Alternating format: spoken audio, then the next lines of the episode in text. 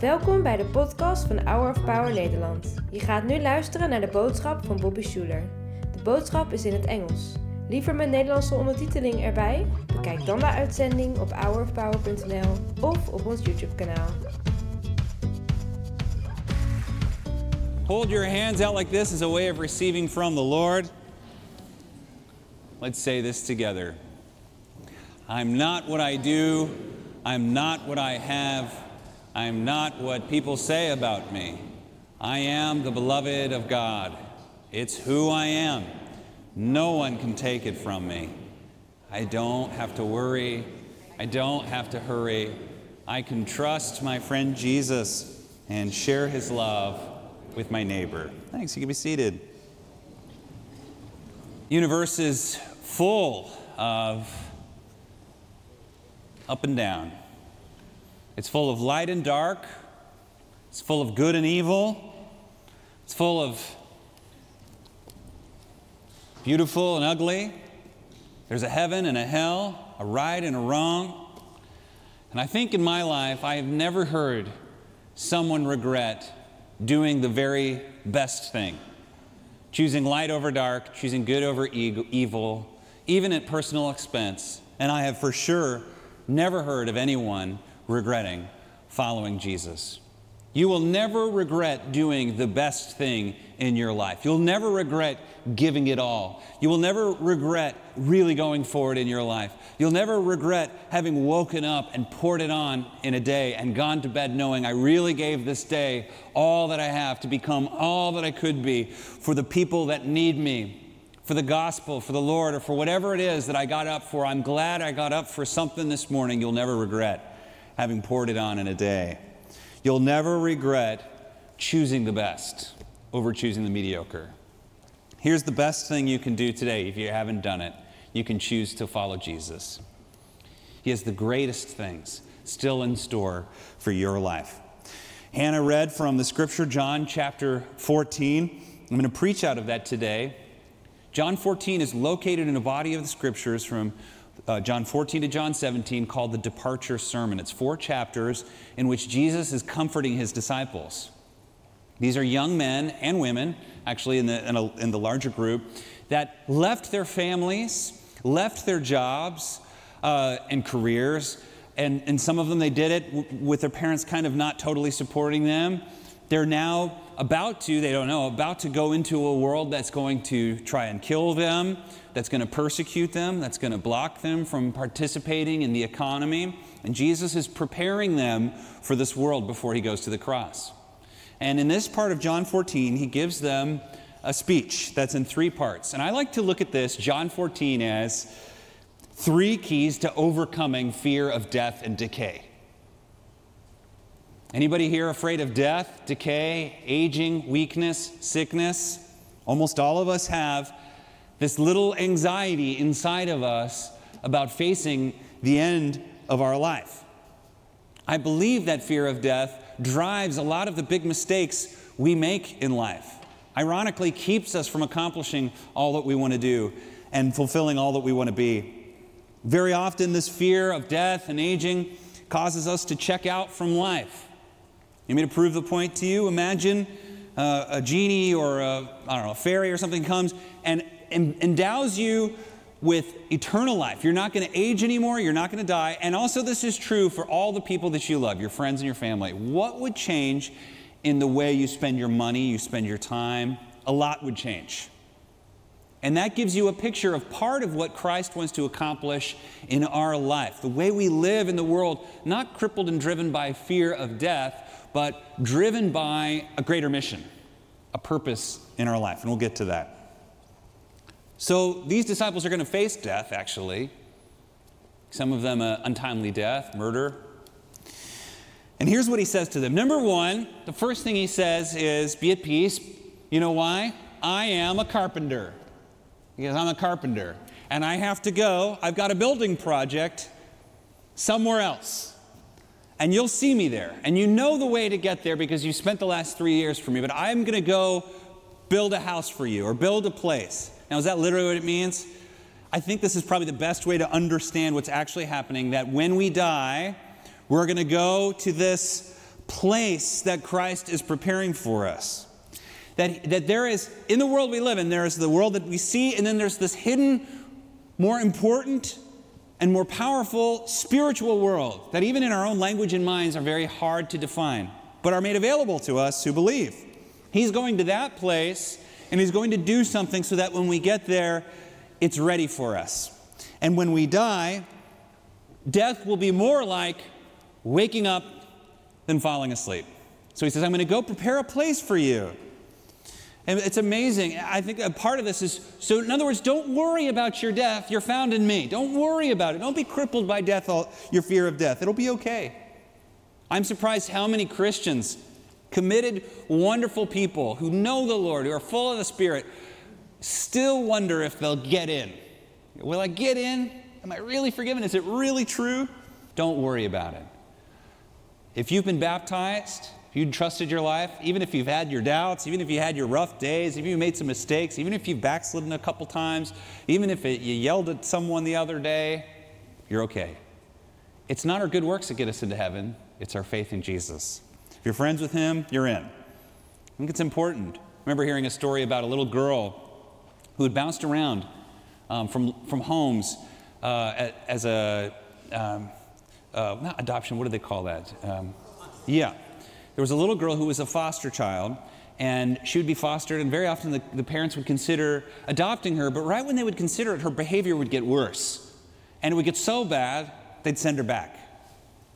One day, a young family adopted this, this girl, and they started talking about adopting her, and her behavior got worse. And worse and worse and worse. And finally, they decided, they put a contract together they sat down with the girl and they had her sign it, and they signed it, and it said, No matter how bad your behavior gets, we're never kicking you out of our family. We'll discipline you, we'll, we'll set boundaries, we'll set things right, but we'll never kick you out. And, it, and the story goes that after that, although it took some time, that is when her behavior actually improved. Because she knew she wasn't there because of good behavior. She knew she was there because she was family. It's a good way to think about our faith. Christ doesn't let you in because of good behavior, He adopted you. There's a contract. And by the way, that contract is signed in blood, it will remain true. And so we don't say, be good to get into heaven. We say, I know my home is in heaven. Now I'm going to build my life in response to God's love for me. I'll do the best I can. I'll do my best and forget the rest. Number two, so first Jesus says, I'm preparing a place for you. But number two, because I'm going to be gone, I'm going to send you my spirit. He's going to, the spirit, the paraclete, the power of God, it's going to come upon you, and you'll be given this thing that you didn't have before you knew me. So, first he says, Don't worry, you're going to get into heaven, but now let's get heaven into you. I'm not going to stop worrying about getting into heaven. Start worrying about getting heaven into you. The power of the Holy Spirit. That when I wake up, I wake up with fire, wake up with passion, I wake up with spirit the ability to see obstacles and all that stands before me as not something that's in the way, but something that is the way. Remember what Marcus Aurelius said, I mentioned it last week. Fire, fire, fire thrives on obstacles. So we get heaven into us by being full of the Holy Spirit. I had a friend of mine, a new Christian, that asked me once, I don't understand this Holy Spirit thing. And I said, Here's what I think happens. When you confess Christ as your Savior, when you receive a baptism, when you make that that change in your life, you're not given a big ball of fire, you're given a pilot light and a tube of gas. Many of us who have been believers a long time, we totally, you get what I'm saying right now, don't you? You know what a pilot light is in your fireplace? A little blue light, you can barely see it, has to be dark, gives off no heat. But it's always there so that when you turn the gas on, whoosh, a big fire comes on. We all have a pilot light inside of us. It responds to invoking the Spirit of God, who is also within us. It's, it's there, but it's like sitting. And so sometimes at the beginning of a day, or when we're about to face something big, you got to turn the knob on. You got to turn the gas on. You'll have to stir up the spirit within you, and you'll see the power that comes from that. Never underestimate the importance of effort in our faith. The gospel is opposed to earning, but it is not opposed to effort. We sometimes have to stir it up, we sometimes have to turn the gas on. And when that happens, that inspires us to be and do more than we ever thought was earthly possible. So that's what's happening. We stir it up, we turn the gas on, and now we are we've opened up inside of us and around us the king the presence and the power of the kingdom of the heavens to do greater things. Everybody say greater things. This is the key to everything. If you're afraid of death, afraid of aging, afraid of all of this stuff, I think this is really what's at the heart of it. And this is what we all have to remember as we age, as we face injury, as we face sickness. Our bodies are important. They're treasures to God. We love them. We want them to be healthy. We have to take care of them. But at the end of the day, the mind and the spirit have more power in this world. Here's the main thing no matter how sick you are, no matter how broken your body is, no matter how old you're getting, you are here for a reason. And that reason is not your reason, it's God's reason. It's God has a reason. There's not a sparrow in the sky that falls and, does, and the Lord doesn't see it. All is in His loving hands. So, th- what is the reason? And that is a good question. That is the question we all ought to answer. And it, it is finding that question that causes despair to evaporate and hope to rise. Here's the main thing you are alive for a reason, so get the work done. Find out what the work is and get the work done. Get it done. You never know. There could be one more person you're supposed to talk to, one person you're supposed to pray for, one more gift you have to give, one more thing you need to say, one more song you need to sing, one more thing you need to write, but it needs to be done. That's why you're here. You're not here to fill space. You're here to get something for God's purposes done. And discovering that is so key to obtaining a life of greater things. To wake up with a purpose. And let me tell you, you have a purpose. Doesn't matter what your body is doing, your spirit and mind are doing something else. And that is where we find true life every single day. Navy SEALs have this thing called Hell Week. And if, there, if there's anything that was appropriately named, I just watched a documentary on it. Hell Week would be a great description. These young men and women who want to be Navy SEALs, or perhaps it's just men, I'm not sure, but these young people who want to be Navy SEALs, they have to go through this arduous week where all sorts of challenges are hoisted upon them. They have to be they go through all sorts of drowning exercises. They're constantly cold and hungry. They're only able to sleep four hours a day. They're constantly being shot at with blanks from guns to keep their adrenaline going. One guy was saying how by the day, uh, day two or three, you get so hungry and tired and exhausted. He said you go into this little room, and that's the only time you're a little bit warm, and you're given 20 minutes to eat your food. And he said he fell asleep and woke up with his face in his spaghetti. And then he said he hurriedly ate his spaghetti and went outside. And as soon as you go back outside, they make you get down in a push up position and they spray you with freezing water. It's in the winter. They put sand all over you. And so you're covered in sand and water. You're hungry, you're tired. By day three or four, you start hallucinating. You start seeing things. You start mumbling to yourself. Your body is broken. Sometimes people die during Hell Week. Sometimes people drown or die of pneumonia. And at any minute, any of these people can go and ring this bell. There's this brass bell, and this bell is your ticket home. At the worst time, when you're at your lowest, and the, the drill sergeants are encouraging you, go ring that bell. You're not fit. You're not good enough. Go ring that bell. And at any minute, you can. You can just go. And you know what that bell means? It can all be over. I can go home into a warm bed. I can go see my friends. I can go see my girlfriend. I can go to a movie with my friends. I can go have a nice warm meal. Go take a nice hot shower. I can go sleep. All that be- all I got to do is ring that bell. Most of them do. 75% of those people do. But 25% of them don't. And when I watch this video, I think, what is it that causes a young man with all of that? It's not like the job pays very well. What causes them to not ring that bell when they're broken, tired, muttering to themselves? Why don't they ring that bell? Do you know why? I mean, I have a guess. Because they have a mission. There's a certain type of person that has contempt for the bell and all that it symbolizes. The easy way out. I think that person is you. That's why you're here. You're not the type of person to ring the bell. And that's my encouragement for you. This is what William McRaven said, Admiral, in his, in a speech, just don't ring the bell. You want to change the world, don't ring the bell. Maybe you're getting old, maybe you have an injury, maybe you have a challenge, a sickness, a, a setback. First of all, God might heal those things. Sometimes quadriplegics get better. Sometimes knees get better, sometimes brains get better, sometimes bodies get better, sometimes people live longer than they're supposed to. But second, it doesn't matter. You have a thing, a mission, something for you. Find what it is and get the work done. Don't ring the bell. Don't ring the bell. Don't do it.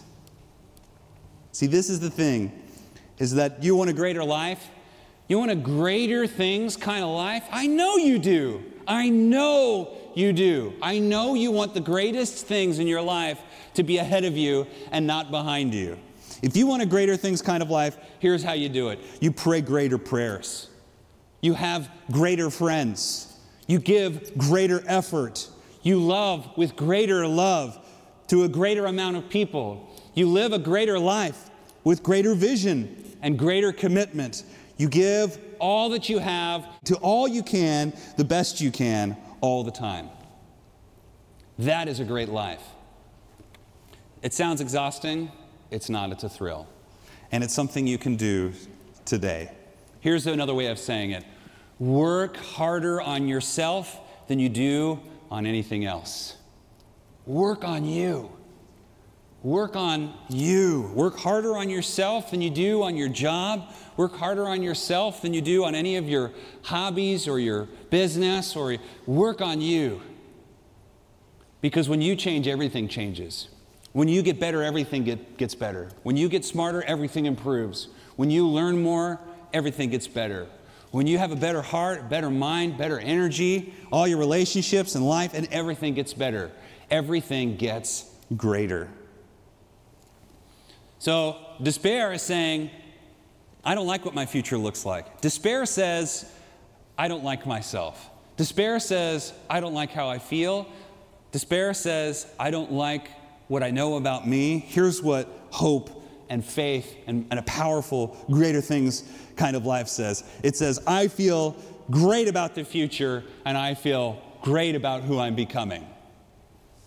Even if you're not who you want to be today, if you know you're going to get there someday, boy, that changes everything. I feel great about who I'm becoming. And no doubt we need to rest, we need to relax, we need Sabbath. But even then, don't turn Sabbath and rest into phone and TV time. Turn it into real rest.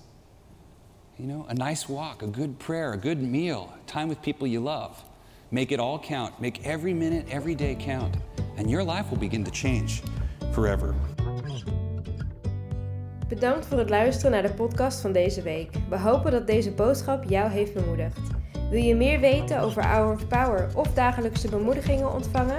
Ga dan naar www.hourofpower.nl.